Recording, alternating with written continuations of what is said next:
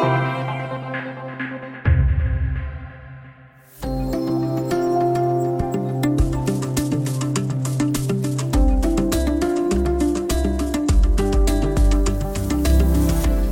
nu är en del av helgerna över och ni som följt Studio DN, ni tänkte ju till innan ni handlade mat för ni lyssnade på Studio DNs tidigare avsnitt där vi pratade om hur man ska handla mat inför helgerna.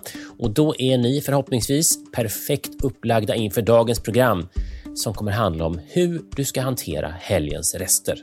Jag heter Augustin Erba. Och för att hjälpa mig att hantera matdjungeln, eh, det är ju inte lätt med rester det här, eh, så har jag bett om hjälp eh, och den hjälpen kommer i form av Elin Peters, matredaktör på Dagens Nyheter. Välkommen Elin! Tack så mycket! Jag vill också säga att har de lyssnat på förra avsnittet och, har, och, och lytt vad vi har sagt, då har de antagligen inga rester. Ja, just det, för då har de Just det, precis. Vi hade lite olika uppfattningar där, du och jag. För att du tyckte att man skulle handla precis så mycket så att det räckte och jag gick på den här linjen att för mycket kan aldrig vara fel. Man kan ju alltid frysa lite. Så, så vi får väl se om vi kan hitta någon slags eh, mellanväg här. Mm. jag, hoppas. jag anpassar mig efter dig. Ja, det är snällt, Elin. Det är bra. Det är så det är här i podden. Eh, ska vi börja med, börja med då, de som då har, har, ändå har rester i sina kylskåp. Eh, Eh, ska vi börja med den rena, den rena hälsofrågan eh, när det gäller mathygien. Då. Hur länge håller rester egentligen, Elin? Det beror inte så mycket på vad, exakt vad det är för rester, utan framförallt är det som avgör hur man har hanterat dem. Har de stått framme i rumstemperatur väldigt länge? Har man tagit fram hela burken sill och låtit den stå på bordet? Medan man har ätit julmiddag i fem timmar? Eller har man plockat upp just så många filéer som man tror går åt och lagt på ett litet fat? Då håller ju den där burken i kylskåpet mycket, mycket längre än om man har haft den stående framme.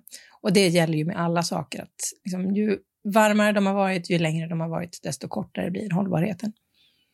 Men det är ju goda nyheter för, för faktiskt. Eh, och jag vet ju att det är hårt att prata om goda nyheter detta coronaår. Men om nu eh, ni som lyssnar har följt eh, Folkhälsomyndighetens instruktioner, då har ju ni ätit julbord utomhus. Och då har ju maten varit nedkyld hela tiden. Så att där dök det upp en liten coronabonus. Härligt! Ja. Mm, jag, vet, jag hoppas att de läsare som, eller lyssnare som har ätit julbord utomhus tog en bild så kan ni väl skicka in det till oss, för det vill vi gärna se. Ja, och det kan ni skicka. Ska du säga din mejladress så kan de skicka den till dig. Ja, ni kan mejla dem till mat.dn.se. Mm. Mat.dn.se så kanske det på något sätt hamnar i tidningen. Det, kan vi kanske, det kanske blir så. Mm. Mm.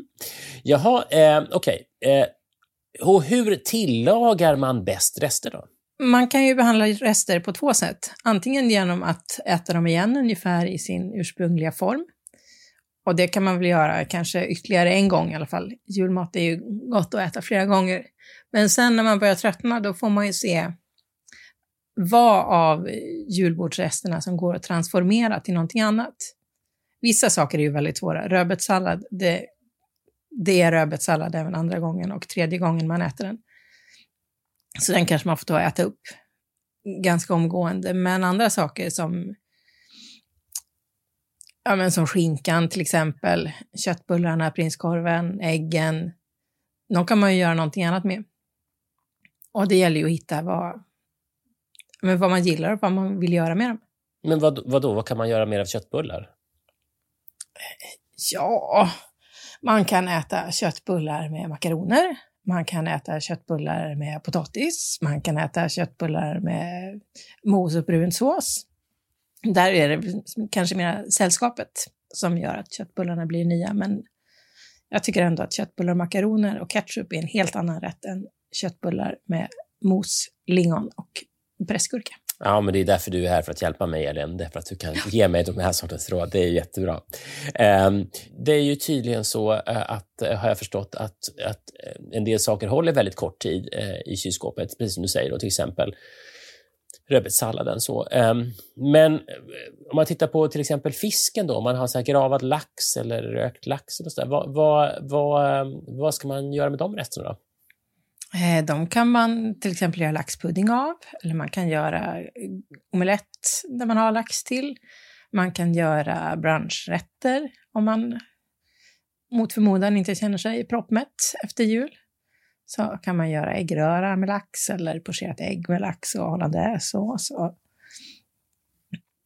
Ja, mm. sen kan man göra olika typer av liksom lådor och eh, med så här med pasta eller med potatis och äggstanning och sådana grejer. Okej, okay. ja ja. Lådor då. Um, vi kommer att, vi ska fortsätta att prata om rester, för att jag till exempel undrar ju om det är fusk då när man då lägger till saker till resterna. Man måste, måste, bara måste äta själva de saker man har i kylskåp för att det ska räknas som rester. Eh, det kan vara så att det finns en ideologisk skiljelinje här. Men vi är snart tillbaka för att reda ut det och ytterligare saker man kan göra med sina rester tillsammans med Elin Peters.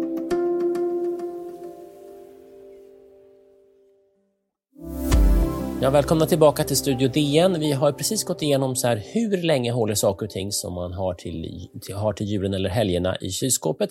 Och så har vi fått några kreativa förslag på vad, man, vad man kan göra av sina överblivna köttbullar och av sin överblivna fisk. Men det här med rester, alltså jag uppfattar det som att det finns ett, orden som vi använder är ju lite specifik, är, är ju en del av liksom, de är fyllda med olika saker. Jag har alltid uppfattat rester som en en, en eh, att det bara är de saker som, som man åt sist och sen kan man liksom välja att hetta upp det eller inte. Men jag hör på dig Elin och du sa före pausen här att, att det verkar finnas någon slags ideologi här att, att man kan lägga till nya saker till resterna. Ja, det måste man göra. Jag, jag ser det kanske mer som återbruk.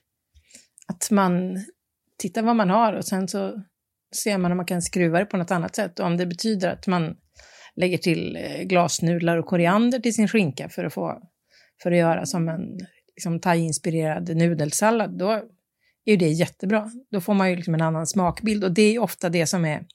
Det tråkiga med rester är ju när det smakar som förra gången, fast lite tristare och lite klibbigare och kladdigare.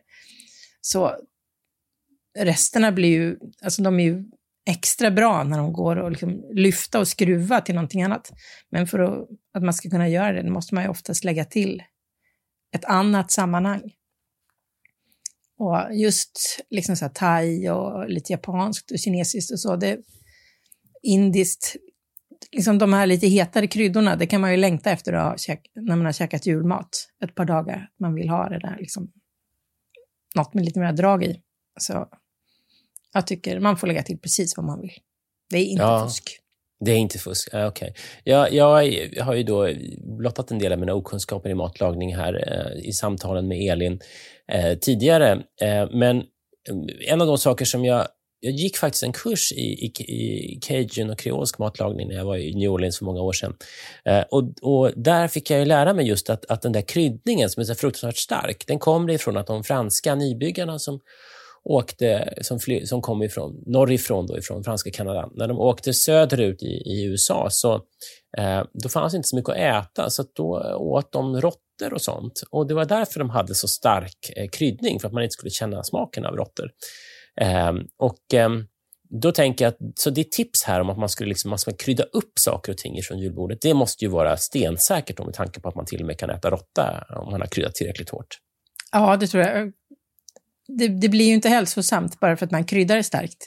Kan man ju. Så man får ändå tänka på hygienen i början.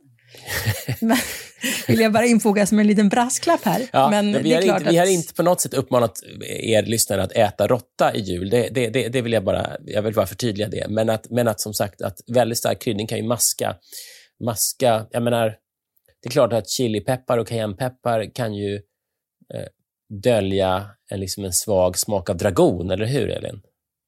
Ja, verkligen. Och menar, man kan ju gå till en sån, en sån jultradition som glöggen bara, som är kryddat vin. Och då var ju kryddorna också ett sätt att liksom dölja smaken, för det var ju ganska dåligt vin när man började göra glögg för många hundra år sedan. Det var inte direkt franska bordeauxviner som de slurpade i sig då, utan det var säkert sura och ganska trista viner som piggades upp med kryddor av olika sätt. Ja, och då är vi framme vid nästa punkt då i vårt, vårt rest, rest, äh, i vår restanalys. Ähm, Elin, äh, vad dricker man äh, till resterna? Ja, man dricker väl slattar då, tänker jag.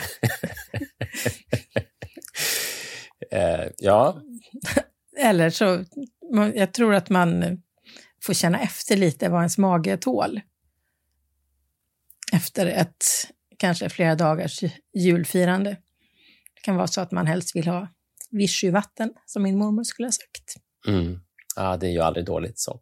Eh, vad heter det? Jag vill ändå ställa en, en, en fråga till här. Eh, för nu har vi ju diskuterat här hur man ska hantera de här olika resterna och, och, och hur man ska göra när man tillagar dem och att det är viktigt att tänka utanför lådan. Att, att, eh, eller eh, så var det i och för sig inte, för du föreslog ju låda just som ett antal eh, liksom sätt att, att, att tillaga maten på ett nytt sätt. Och en av de sakerna som jag själv känner att jag hela tiden fastnar på när jag ska då försöka transformera mina rester till någonting, till någonting annat, det är ju hur vet jag vad som, ska ät, vad som äts bäst varmt eller kallt? Du smakar. Ja, fast jag, för mig så handlar det mer om att liksom i tidigare i processen, ta till exempel den här eh, rökta, om jag säger att jag skulle ha rökt lax över då. Eh, den går ju att äta både varm eller kall, men hur liksom mm. bestämmer jag Finns det något sätt som jag kan tänka på att eh, jo, men det är bra om du värmer upp den rökta laxen, för då minskar du dessutom bakterie, liksom, eh, tillväxten. Eller inte vet jag, alltså jag, jag bara fantiserar här. Du får ju givetvis rätta mig nu så att vi inte lurar på eh, DNs lyssnare. Mm. Alltså jag skulle väl spontant säga så här att inlagda saker blir ganska äckliga om man värmer upp dem. Man kan ju bara tänka sig att värma på sin inlagda sill eller sina pickles och så. Det känns inte bra i munnen. Jag skulle säga så här, saker som har varit kalla från början, de värmer man inte upp. Saker som har varit varma från början, typ så här skinka, korv, prins, eh, köttbullar, där kan man välja vad man är sugen på.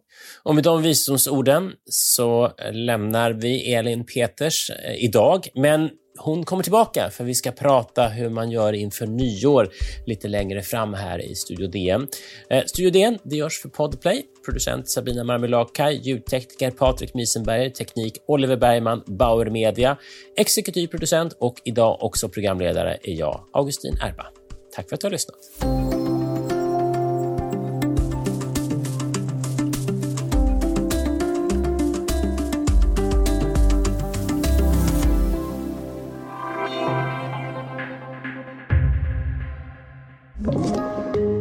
Play.